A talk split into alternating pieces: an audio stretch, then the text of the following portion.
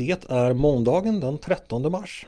Jag heter Andreas Eriksson och du lyssnar på Ledarredaktionen, en podd från Svenska Dagbladet.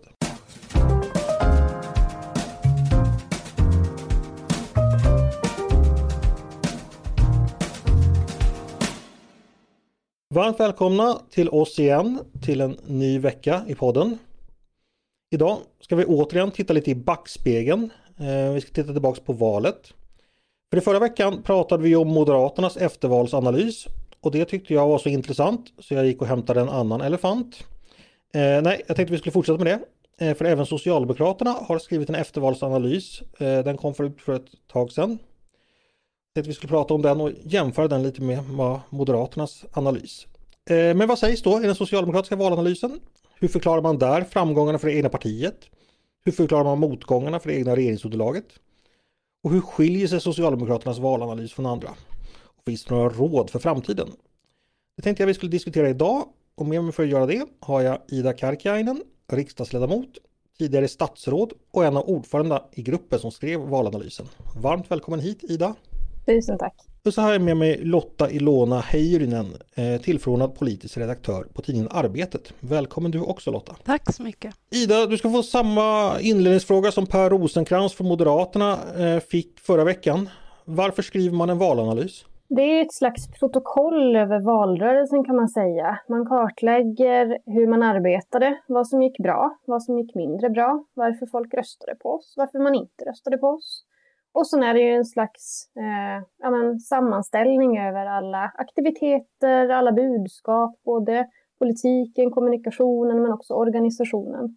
Eh, och mm. förhoppningsvis också en eh, någon slags eh, blick mot framtiden. Är valanalyser viktiga, ärligt talat? Ja, jag skulle säga att de är viktiga. De är viktiga för att göra någon slags konklusion över valrörelsen och kan också ses som ett historiskt dokument som blir väldigt intressant att gå tillbaka till och titta på. Hur det sett tidigare? Vad hade man dragit för slutsatser? Vad har man gjort av de slutsatserna? Eh, jag tycker att en valanalys i bästa fall kan spela över i en, en konkret eh, handlingsplan för partiet framöver. Vad behöver vi göra då de här fyra åren eh, framåt? Eh, och i värsta fall så är det ju bara en produkt som läggs på hyllan. Mm. Eh, Lotta, vad är din erfarenhet av valanalyser? Är det någonting du brukar läsa generellt? Uh, alltså bara när det har med mitt jobb att göra så att säga. Så att jag har ändå läst ett par stycken, uh, började på vara nu. Men uh, jag tror väl att, alltså, det är väl som Ida säger i, i slutändan att i bästa fall så kommer de till användning i någon typ av verksamhet. men, och i en, en politikutveckling och en strategiutveckling. Och i värsta fall, vilket jag väl tror är fallet oftare, att det blir just arkivmaterial för framtida historiker eh, och så tillbaka till, och, och, och, och, lite för ofta är det väl kanske så. Eh, pratade med eh, en person som hade varit chef på SSU som för skojs skull i somras hade läst Socialdemokraternas tidigare valanalyser x antal val tillbaka och så att ja, de konstaterar ju samma sak om och om igen, val efter val pekas det ut så liknande problem. Men jag tror inte att den här valanalysen faktiskt landar eh, i liksom vi var för spretiga det, och så vidare, eh, utan, utan här finns det faktiskt lite, lite mer saker att ta i tycker jag än vad det kanske har funnits mm. tidigare. Okej. Okay. Eh, Ida, Barenkoll. Eh, när du blev eh, en av ordförandena för den här gruppen som skulle ta fram valanalysen, eh, hur många tidigare valanalyser hade du läst då? jag hade nog tagit del av eh, en, eh, ett gäng tidigare. Jag hade också lett Norrbottens distrikts valanalys. Så att jag hade lite erfarenhet av valanalysarbete, men inte på nationell nivå särskilt mycket. Däremot tagit del av presentationen av den nationella valanalysen, åtminstone från 2018 års val. Och nästa fråga som Per Rosenkrantz också fick. Hur gör man när man skriver en valanalys? Vad är det man behöver ta reda på för att kunna göra en analys helt enkelt? Det man behöver göra är ju först och främst att samla ihop statistik och data. Titta på det man, det man kan få fram helt enkelt. Hur såg det ut i olika valdistrikt? Kan man eh, göra någon slags eh, korrelation mellan olika saker som har hänt i valrörelsen? Eh, kan man se hur utvecklingen ser ut under, eh, under ett par månader och eh, vi har ju valt att också göra lite referenser till ännu längre bak i tiden. Och eh, dels då sammanställa datan. Sen så, har, så är det också viktigt att man då försöker få någon form av kvalitativ analys också. Inte bara dra ihop datan och göra kvantitativa slutsatser utan även försöka göra intervjuer och prata med eh, de som har jobbat i valrörelsen, de som har knackat dörr, eh, prata med alla distrikten. Sverige är ju ett avlångt land. Det har funkat lite olika på olika ställen i Sverige eh, och det måste man också ha med sig. Olika budskap har fungerat olika väl, bland annat. Så det har varit viktigt för oss i alla fall i vår valanalys att försöka göra intervjuer med alla distrikten och höra efter vad de drar för slutsatser av valrörelsen. Say hello to a new era of mental health care.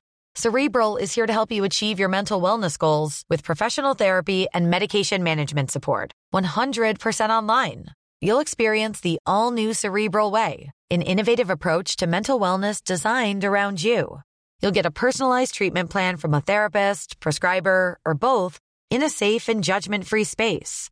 Your cerebral therapist or prescriber will outline a customized plan with clear milestones along the way so you can get to feeling your best. With Cerebral, you're not alone in your mental health journey. We're here to empower you to live a fulfilling life. So take that first step towards a brighter future and sign up today at cerebral.com slash podcast and use code ACasts to get 15% off your first month. Offer only valid on monthly plans. Other exclusions may apply. Offer ends July 31st, 2024. See site for details. Men ska vi hoppa på slutsatserna då? Eh, om du ger oss den korta versionen. Varför gick Socialdemokraterna, ja, varför gick det så bra i valet för Socialdemokraterna? Man gick framåt med flera procent. Det är det mesta man har gått framåt på ganska länge. Vad beror det på? Ja, precis. Två procentenheter eh, går vi framåt och vi går ju framåt också i regionalvalet och i kommunvalet, eh, vilket är kul. Men samtidigt så är det ju vårt näst sämsta resultat historiskt, så att vi är ju inte på långa vägar nöjda. Men anledningen till varför vi gick framåt, det har att göra med Magdalena Andersson, bland annat. Det har att göra med att eh, styra i en svår politisk tid. Att människor i den här omvärldsperioden eh, som vi nu har levt genom, både med pandemi som har ställt stora krav på hur man har kunnat styra i landet och hur man har skyddat befolkningen, men också då Rysslands invasion av Ukraina. Jag tror vi fick tio dagars paus eller något sånt där mellan de här två olika eh, händelserna.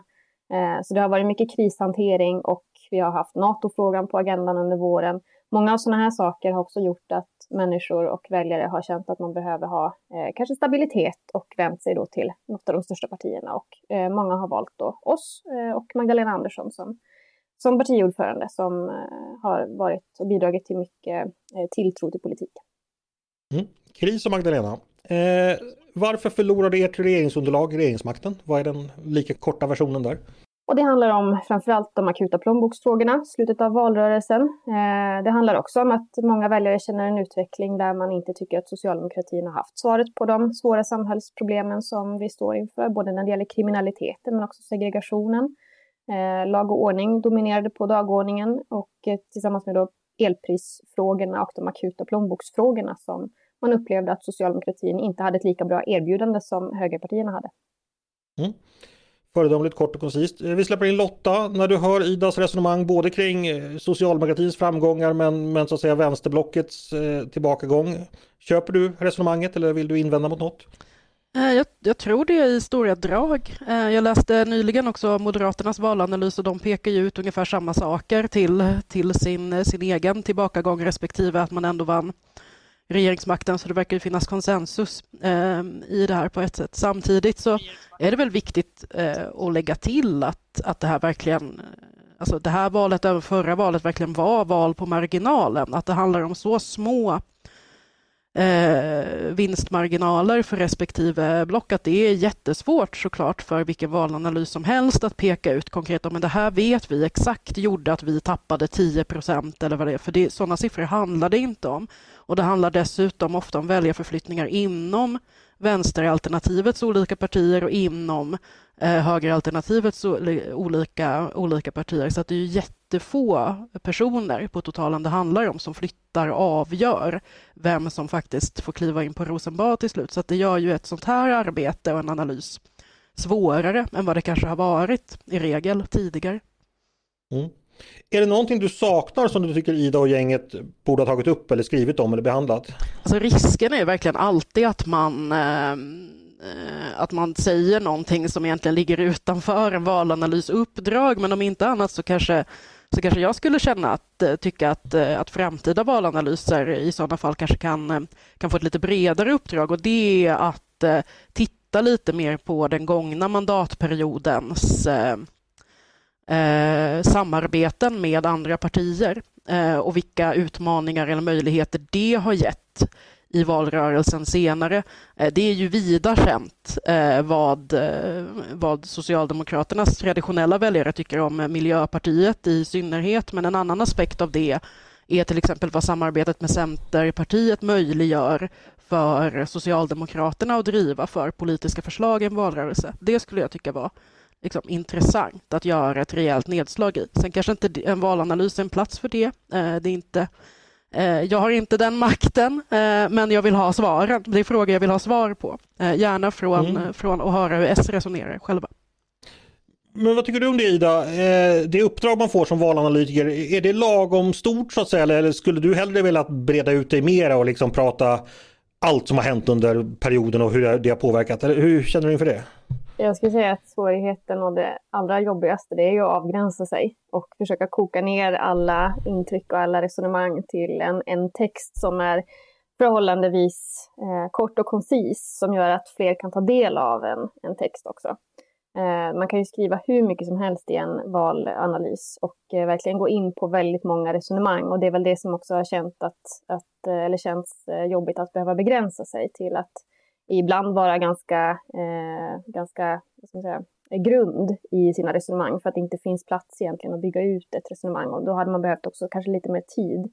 Vi har ju valt att mm. förhålla oss ganska eh, kort i både tid vi har arbetat men också i eh, antalet liksom, sidor för att människor också ska kunna ta till sig det här materialet och så att det ska kunna vara ett material som man kan jobba med i partiet. Annars blir det oöverblickbart. Mm.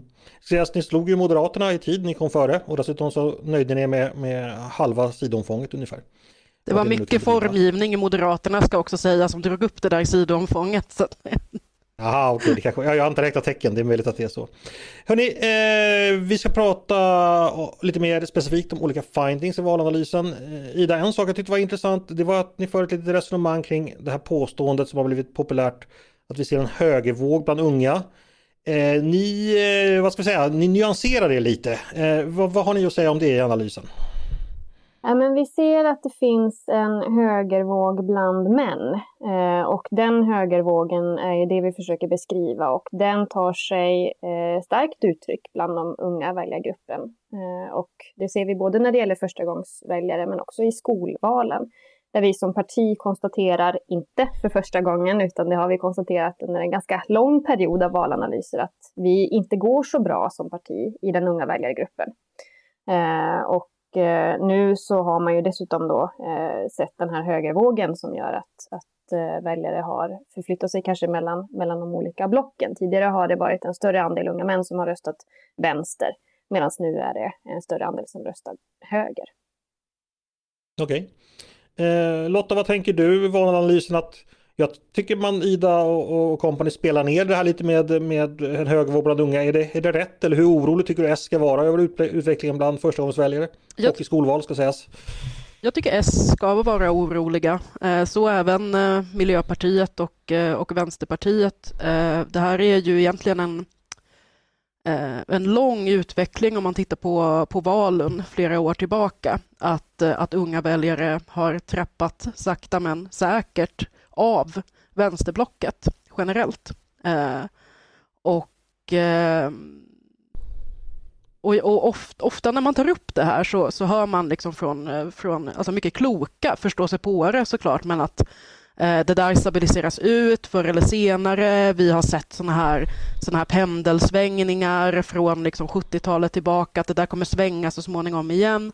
Och Det är mycket möjligt att det är sant, men det som oroar mig i... Nu säger inte jag att eh, Ida eller den här valanalysen säger, något sånt, men det som oroar mig lite i de tankegångarna som jag har just i Socialdemokraterna eller andra partier som har tappat unga i relation till de unga väljarna, att, att man liksom låter låter det bli naturliga svängningar bland ungdomen och inte ser då sin roll som att faktiskt ta tag i verkligheten och att politik också faktiskt kan förändra människors åsikter om ett parti. Det oroar mig lite och jag tror att S har en jättestor utmaning i det här framöver, men framförallt just bland eh, de unga LO-männen är en såklart en jättestor utmaning för Socialdemokraterna. Mm. Ida, vad tänker du om det? Ja, men vi kommenterar det på lite olika sätt också. Det diskuteras ju när det gäller sociala medier att unga väljare vanns på TikTok. Men vi i vår valanalys pratar om att det inte är så enkelt. Eh, vi tror att unga väljare, de är lika oroliga för framtiden som, eh, som den, liksom, den övriga befolkningen, kanske till och med mer oroliga. Man är orolig för att inte kunna komma ut på arbetsmarknaden och få ett jobb. Det har blivit krångligt och besvärligt. Eh, man är orolig för att inte kunna, eh, man är orolig för att inte kunna eh, betala sina räkningar i slutet av månaden. Man är orolig för att man inte ska kunna flytta hemifrån. Eh, väldigt många sådana basala, livsavgörande frågor som den eh, ungdomsgruppen som eh, lever nu kämpar väldigt mycket med och väldigt hårt med. Och vi tror också, och har diskuterat det ganska mycket i valanalysen, att det där är ju någonting som, vi får, liksom, vi får inte reducera unga till att bara handla om TikTok och bara om politiska budskap, utan det måste också handla om det politiska innehållet och vad man verkligen lovar unga väljare och vad man har för politik för unga väljare. Och där har, tror jag, unga inte uppfattat oss vara tydliga och inte uppfattat oss vara eh, och ha ett bättre erbjudande än något annat parti. Och det måste vi ändra på. Mm. Där vill jag ge ge liksom, Ida och valanalysgruppen eh, medhåll. Jag, jag tycker att eh, den liksom enkla eh, analysen som fördes fram direkt efter valet just om TikTok och så på, på kultursidor och, eh, och av lite olika skribenter om att ja, men just att de unga, unga vann så valdes eller förlorades på, på TikTok. Att det, är en, det, är en, det är nästan en provocerande slapp analys av unga människor Eh, och hur, folk, och hur människor i allmänhet eh, fungerar. Så jag är glad att den här valanalysen så många gånger återkommer till att det S behöver är politikutveckling, inte bara för unga utan generellt. Mm. Men då tar vi med oss det att eh, ungdomar är ett, eh, ett fortsatt issue att fundera på helt enkelt. Eh, nästa sak jag tänkte ta upp det är det här med eh, socialgrupp eller, eller klass. Eh, och då var det ju så att Eh, om man utgår från valet 2006 då var det ungefär 70 procent av de väljare som definierades som arbetare som röstade på det rödgröna blocket. Eh, I förra årets val så fick Tidöpartierna, alltså nuvarande högerblocket, 50 procent, alltså mot, motsvarande, ja, jämfört med 30 procent då för, för 16 år sedan. Eh, och 50 procent då för, för det rödgröna blocket. Eh, Ida, en arbetarrörelse som alltså bara vinner hälften av arbetarna, vad, vad, hur har ni tänkt kring det? Men vi är givetvis bekymrade även när det gäller den gruppen. Eh, vi är eh, lite glada åtminstone över att vi har lyckats bryta trenden bland LO-medlemmar. Men tittar man på just gruppen arbetare, man skiljer på en del på de som definierar sig som arbetare och de som definierar sig som, som LO-medlemmar. Eh, där gruppen arbetare är en grupp som vi har fortsatt väldigt, eller fortsatt för, alldeles för lågt förtroende bland. Eh, och den gruppen, den är ju oftast också människor som kanske står utanför ett medlemskap i, i fackföreningsrörelsen, som inte har någon trygghet på arbetsmarknaden eh, och som kanske jobbar med, med gigjobb exempelvis. Den gruppen behöver ju också både konkret politik för att få ett bättre liv och för att få en bättre eh, livsstandard. Eh, men man behöver också ha en, en tydlighet i sin politik kopplat till den gruppen. Eh, mm. Så att det, det ser vi som ett problem och en utmaning för framtiden. Och det är Tydlighet inte... behövs, stor utmaning. Lotta, vad säger du om eh, det här? Jag tror att det är en ganska liksom, långvarig eh, förtroendekris i de här grupperna som, som socialdemokratin har hamnat i. Valanalysen pekar ju ut det också, att när, i, i väldigt många utav de senaste valen så har eh, S fastnat i eh, vilka förlorare eller vilka väljare har man förlorat hela tiden och försöker vinna tillbaka dem. Nu, det här valet, har man ju då alltså lyckats med det som eh, Mona Sahlin ville lyckas med 2006 och 2010, alltså vinna tillbaka alliansväljarna som hade gått från S till Fredrik Reinfeldt. Och nu ser det ut som att man har gjort det. Frågan, men vilka har man då tappat på vägen? Jo, det är arbetarna och det är eh, i hög utsträckning liksom LO-anslutna. Eh, och Mm. det där kan man bara lösa med, med politik, tror jag. Alltså, det är klart att det är så att eh, ett arbetarparti som Socialdemokraterna också måste ha en politik som arbetare känner att de kan identifiera sig med och som förbättrar eh, deras vardagsliv från liksom, top to bottom. Arbetarväljarna eh, har vi också diskuterat under en lång tid eh, och diskuterat tappet bland de väljarna. Och där så behöver man ju också både, det handlar både konkret politikutveckling eh, för att eh, liksom möta den gruppen, men det handlar ju också om regeringsfrågan, eh, det vill säga vi har haft åtta, man, eller vi har haft åtta år, eh, två mandatperioder, där vi har styrt i ett ganska svagt parlamentariskt läge. Vi har ju haft en högermajoritet i riksdagen, vilket har inneburit att vi inte har fått igenom alla frågor som vi har velat eh, driva igenom för att också förbättra för den här eh, gruppen väljare. Och då har det blivit lite otydligt vad vi som parti har stått för och vad vi som parti har kunnat driva igenom och inte kunnat driva igenom. Har vi kompromissat för mycket kopplat till januariavtalet och liknande? Så det har varit en levande fråga. Nu nämnde du ordet otydligt igen. Jag räknar antalet gånger så ska vi ta upp det senare, eh, hur mycket det är otydlighet. Eh, jag tänkte vi ska gå vidare och prata om varför det gick som det gick. Eh, Ida, ni konstaterar precis som många andra att invandring och brottslighet och energi präglade det som brukar kallas sakfrågeagendan. Sen kom plånboksfrågorna in eh, ja, ganska sent men de blev viktiga i själva valrörelsen där i augusti-september. Den agendan, när jag pratade med Moderaterna tidigare sa de att det här var redan drömagendan för, för oppositionen och den var dålig för regeringen. Gör du samma analys? Alltså hur, hur, hur, hur, hur hade ni sakfrågeagendan emot er så att säga? Ja, man kan säga att eh, i de frågorna som låg på väljarnas eh, önskelista över viktigaste frågor i slutet på valrörelsen så var det precis de frågorna och de frågorna var det inte så att vi som parti hade högst förtroende i utan där var Moderaterna och Sverigedemokraterna eh, bättre enligt väljarna.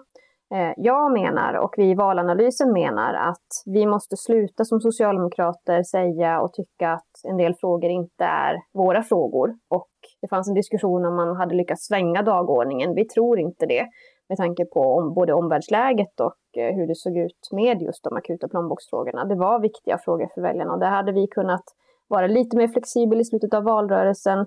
Jag noterar att Moderaterna konstaterar att de var flexibla och vi hade också behövt vara flexibla. Eh, vi hade behövt eh, ändra eh, i vår strategi i, i slutet av valrörelsen för att kunna möta de här frågorna. Och vi ska inte som socialdemokrater tycka att en del frågor inte är socialdemokratiska frågor. För det resonemanget hör man också ibland. Att det finns någon som säger att det var inte våra frågor som var i slutet av valrörelsen. Ja, fast vi kan inte säga så. Vi är Sveriges största parti. Det är klart att alla frågor ska ha ett socialdemokratiskt svar och en socialdemokratisk problemformulering, givetvis. Men vad är det för eh, frågor som ibland anses inte vara socialdemokratiska exempelvis? Ja, men eh, om man tar lag och ordning exempelvis har ju varit under en lång tid eh, en fråga eller frågor som har diskuterats och som har i vår rörelse uttryckts som att men det där är inte riktigt vår hemmaplan och våra, våra frågor. Men där har vi ju faktiskt lyckats med att eh, jobba in de här frågorna under en tid i partiet och eh, verkligen bestämma oss för att det är visst våra frågor. Vi ska vara otroligt hårda mot brotten och kriminalitet för det hotar vår välfärd och det hotar vårt, vår gemenskap. Det är klart att vi som socialdemokrater måste vara stenhårda i den kampen och lyckas formulera svar på de frågorna som eh, är socialdemokratiska. Mm. Ni diskuterar ju också den valstrategin som man la, la fast då ganska långt innan valet där det handlar om att man skulle prata om att bryta segregationen och motverka brottslighet. Det var ett stort. Det andra var att ta tillbaka kontrollen över, över välfärden. Och det tredje var då att använda klimatomställningen för att eh, ja, helt enkelt tillväxt och, och så vidare. Och ni, ja, kan du ta sammanfattningsvis eh, den valstrategin, hur, hur väl, när ni utvärderade, hur väl tyckte ni att den funkade? Vi tyckte att den funkade relativt väl. När vi har diskuterat den här frågan med distrikten och eh, hört med partikamrater runt om i Sverige över hur man tycker att de här budskapen fungerade så har man för det mesta tyckt att de har funkat väldigt bra. Tre tydliga prioriteringar jämfört med tidigare valrörelser som har kunnat innefatta ganska många olika vallöften och många olika prioriteringar, vilket har gjort det spretigt och eh, svårbegripligt i vad är det vi vill egentligen. Nu visste man vad det var vi ville. Eh, de här budskapen var också budskap som funkade i hela landet med ett visst mått av lokal översättning. Därför att eh, segregationsfrågan ser inte likadan ut i Haparanda som den ser ut i, i Stockholm exempelvis. Så att man har alltid behövt givetvis göra sin egen eh, twist på det. Eh, några saker konstaterar vi också när det gäller just budskapen och det handlar om att en del av budskapen, tar segregation till exempel, eh, det var nog många som uppfattade vad vi sa, att vi skulle bryta segregationen och vända på varje sten och så vidare. Men däremot så hade det vallöftet och den prioriteringen behövt fyllas på med lite mera konkreta förslag över hur vi ska lyckas göra det då. Eh, där man inte var, och vi uppfattades inte vara lika tydliga. Eh, tar man grön omställning exempelvis så uppfattar man det på de ställena där den gröna omställningen sker och där de här etableringarna nu eh, växer till, jobben blir fler och eh, batterifabrikerna byggs och planerna på industrins gröna omställning, eh, omställning finns. Där så eh, uppfattar man det vallöftet väldigt tydligt, vad vår klimatpolitik faktiskt innebär. Det vill säga att det också ska skapa jobb. Eh, den klimatpolitiken funkar på de ställena där det här sker, men däremot mindre bra och mindre tydligt på de ställena där det inte sker. Nu fick du en tydlig poäng igen. En tydlighetspoäng mm. igen. Ja, det fick jag tydligt. Eh, Lotta, vad säger du de här eh, tre punkterna i valstrategin? Var det rätt punkter? Borde någon ha tagits bort eller lagts till? Vad tänker du? Spontant så har jag inte, och inte heller under valrörelsen så hade jag inga inga quarrels med, med de tre punkterna som lyftes fram. Men eh, man blir såklart alltid svaret skyldig. Liksom. Alltså just det där konkreta huret saknade jag eh, från där jag satt genom, genom valrörelsen. Och, så det, var, det var lite svårt att rodda i att ja, men vi ska lägga lika mycket pengar på, på, på liksom brotten och straffen som vi lägger på det preventiva arbetet. Alltså, men vad, men vad betyder det Alltså skolan, socialtjänsten och civilsamhället kostar ju redan mer pengar än polisen och kriminalvården tillsammans. Eh, så vad, vad är det?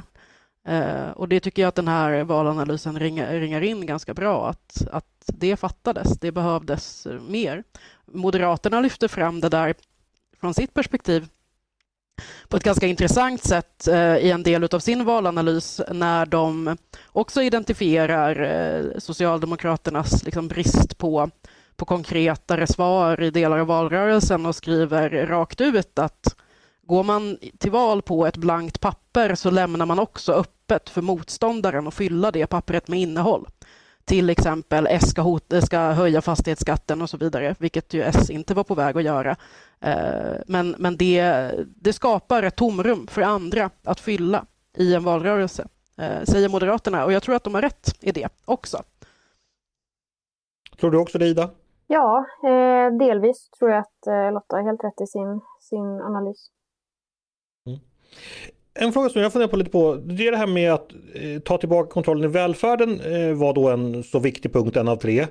Jag förstår ju var den kommer ifrån för jag vet ju att Socialdemokraterna eh, till stor del har väljarna med sig där. Men samtidigt är det ju en fråga som har ältats väldigt länge och eh, kanske inte gett så mycket utdelning som man trott. Ida, tror du fortfarande att det var rätt att liksom göra den till en så viktig del av, av, av valrörelsen?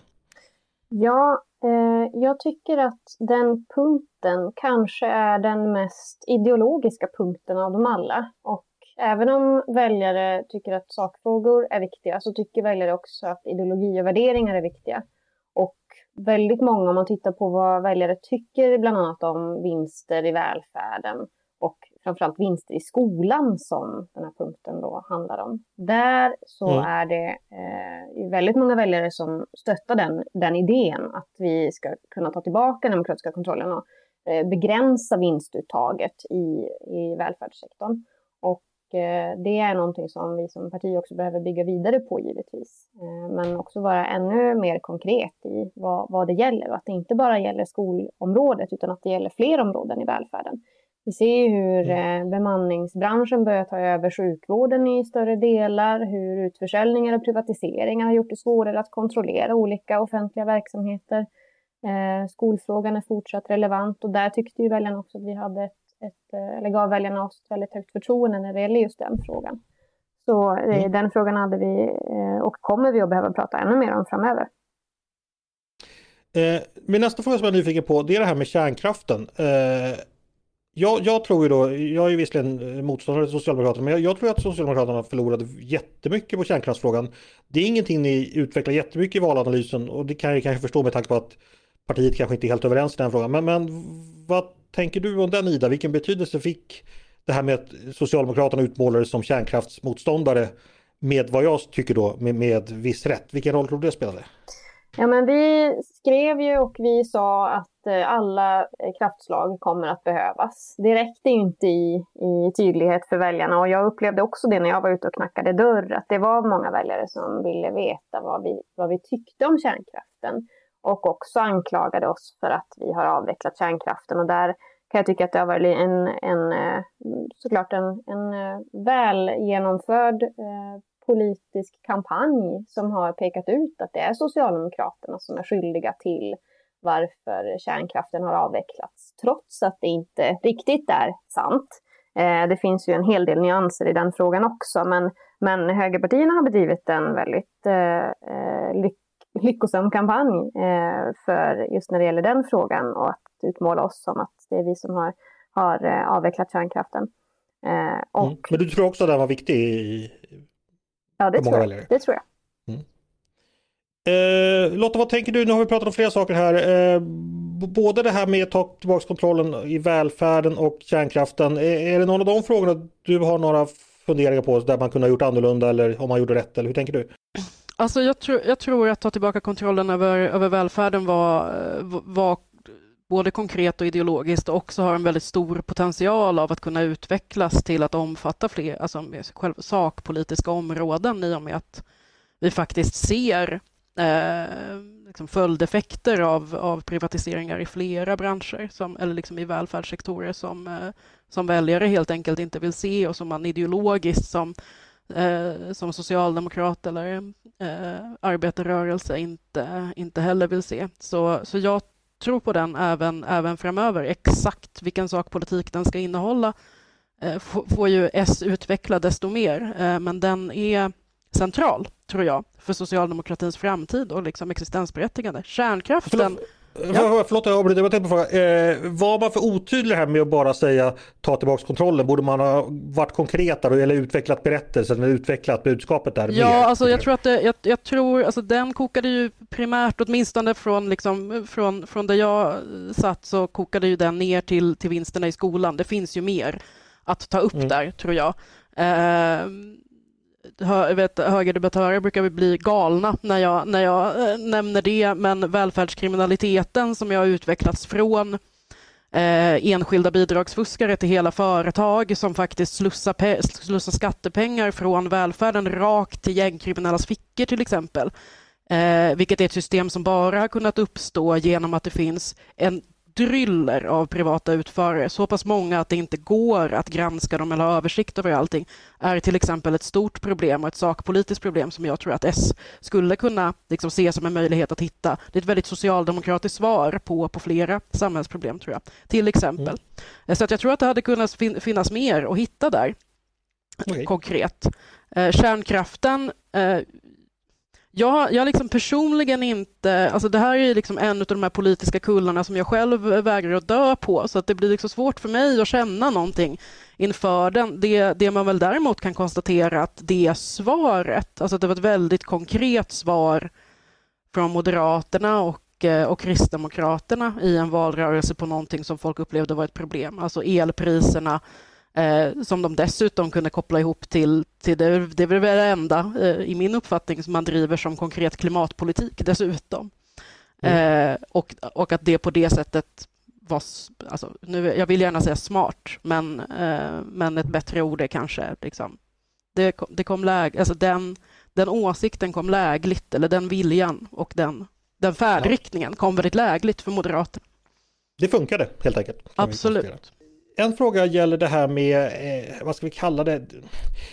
Socialdemokraterna gick ju delvis till val nu på att man var då icke ledare för icke-SD-sidan. Eh, och det vet vi att det har betydelse, det konstaterar ju Moderaterna i sin valanalys också, där de frågar sig varför vann vi inte större? Och det har att göra med aversion mot Sverigedemokraterna, inte minst hos mittenväljare som oftast byter block. En fråga till dig Ida, nu kan, ja, jag vet inte om du kan svara ärligt på det här, men finns det en risk att Socialdemokraterna gick till val och trodde att det där skulle lösa sig för att nu är vi äntligen, vi fick äntligen det, det till dit vi ville, vi är inte SD, de andra är SD, vi kommer att vinna.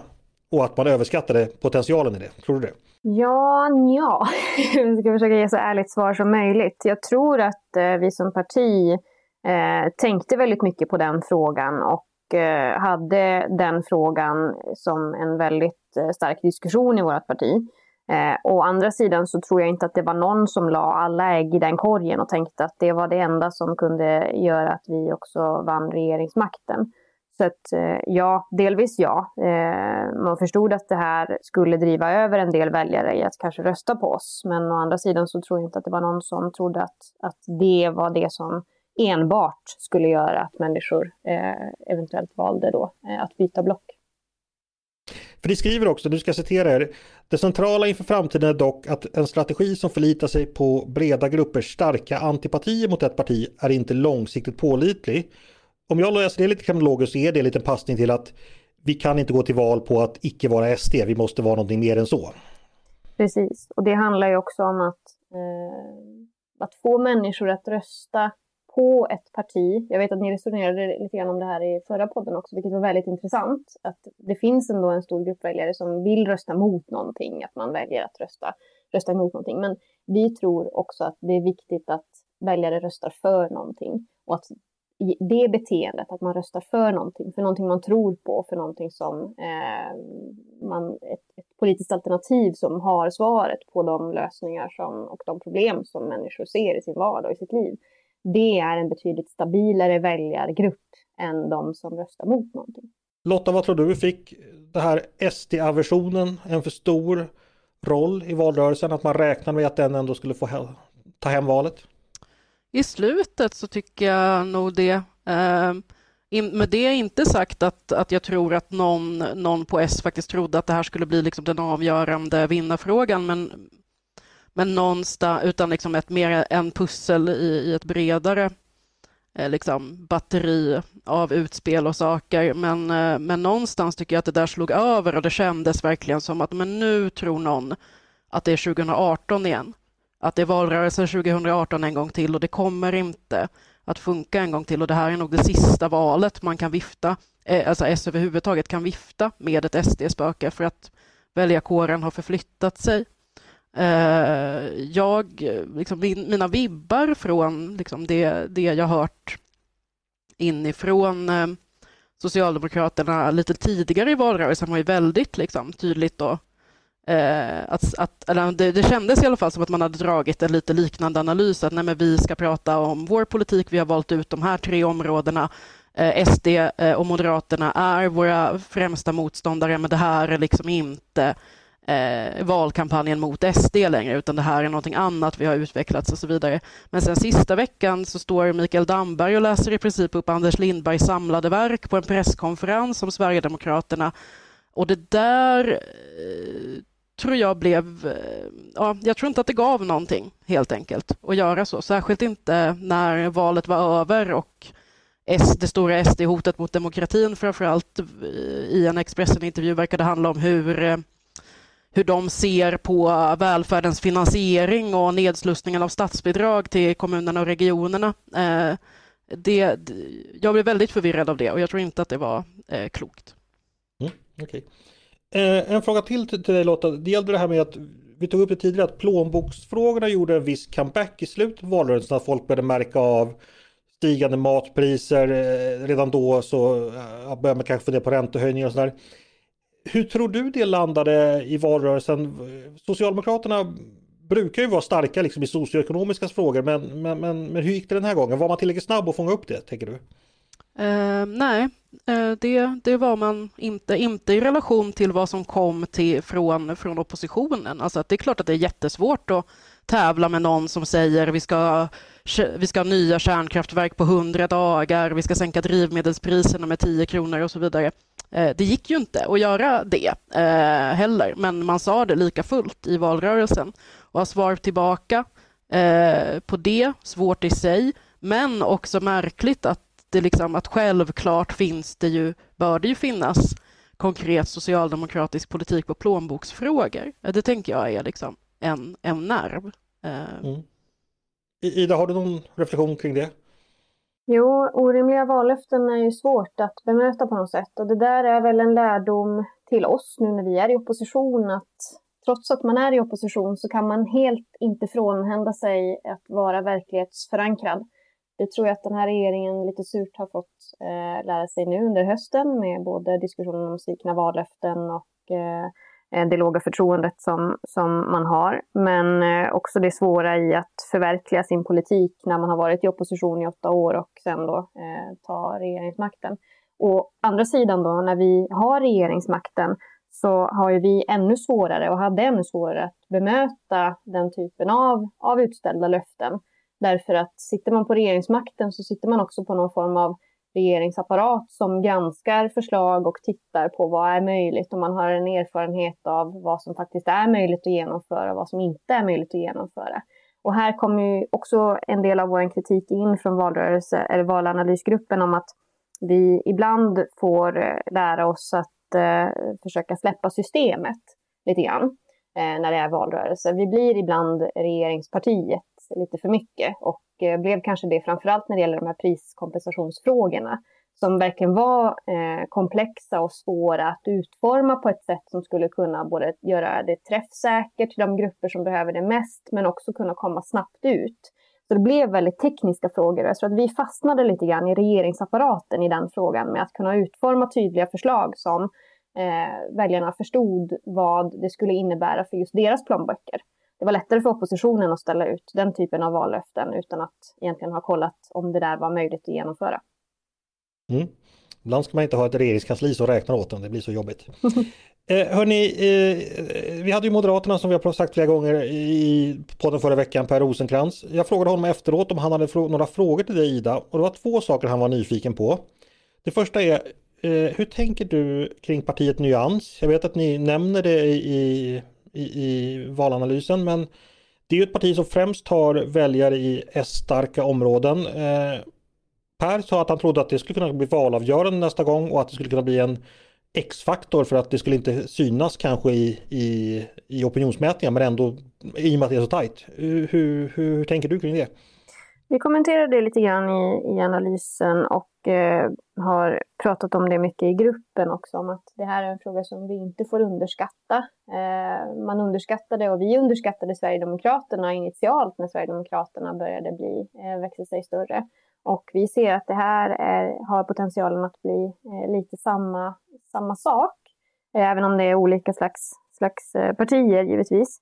Men det man också ska tänka på när det gäller nyans är att det är ju inte ett uttryck eh, för nyans som parti alla gånger heller, utan det är också ett uttryck som väljare har gett för att man upplever att utvecklingen har gått åt fel håll. Det handlar om otrygghet, det handlar om eh, att eh, leva i bostadsområden som inte är upprustade på väldigt länge.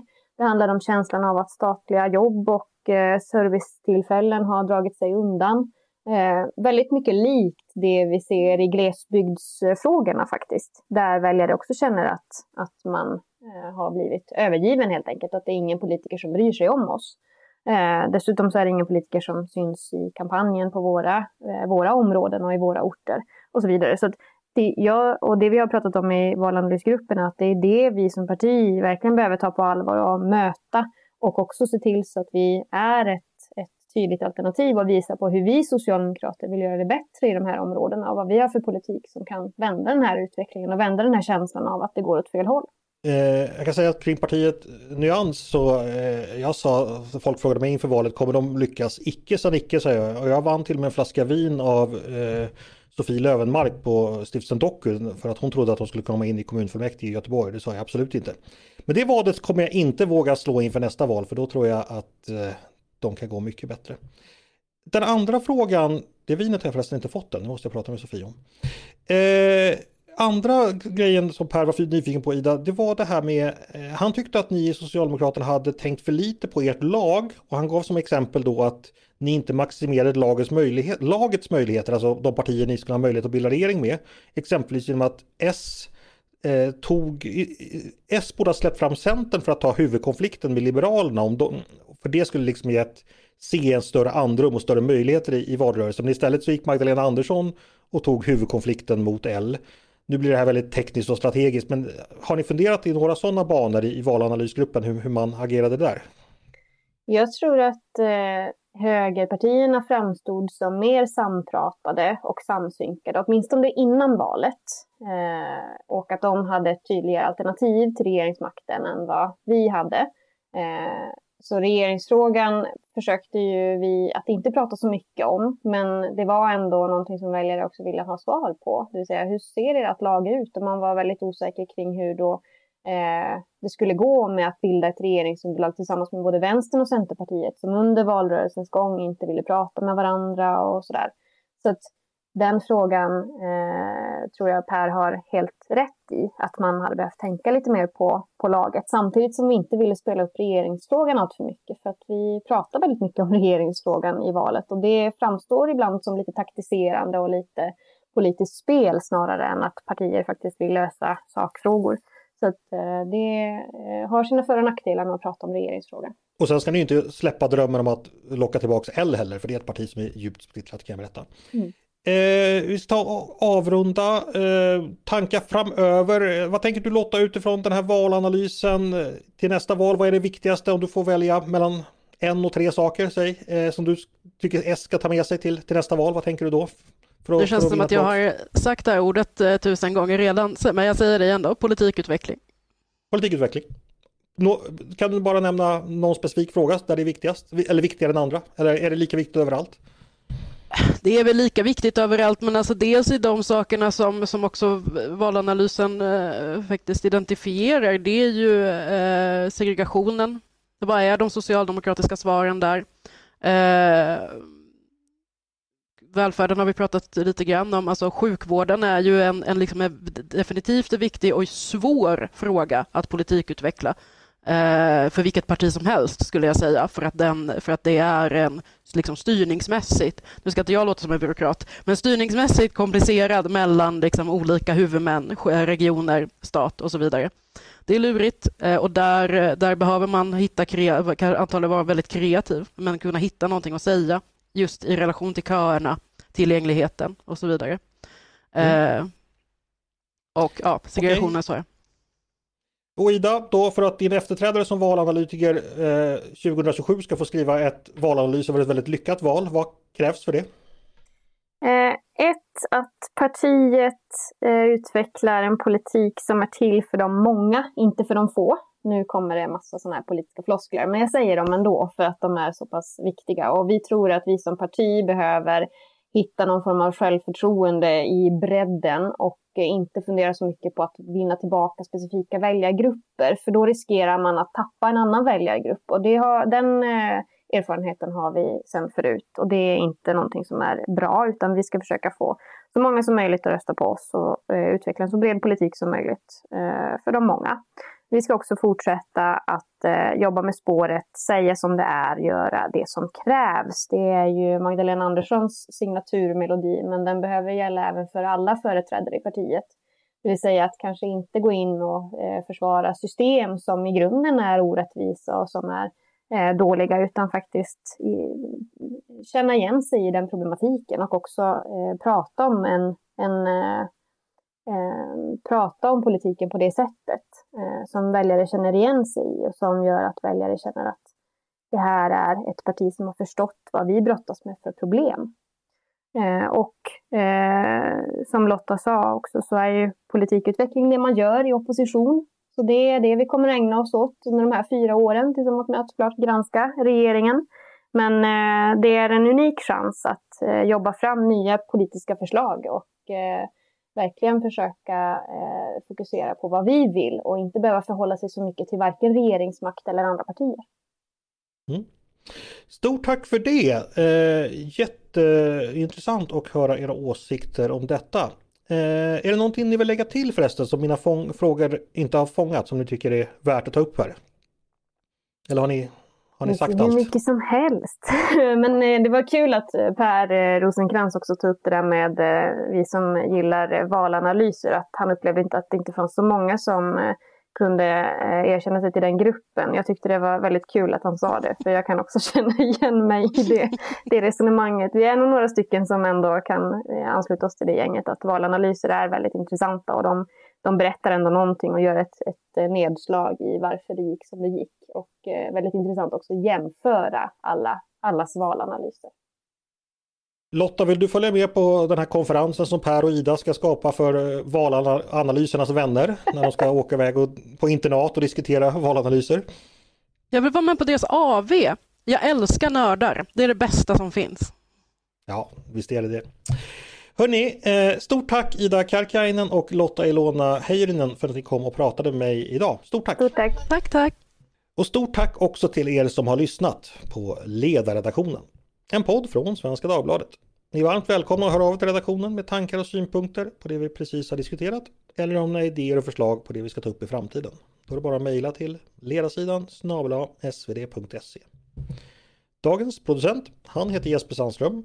Själv heter jag Andreas Eriksson och jag hoppas att vi hörs igen snart.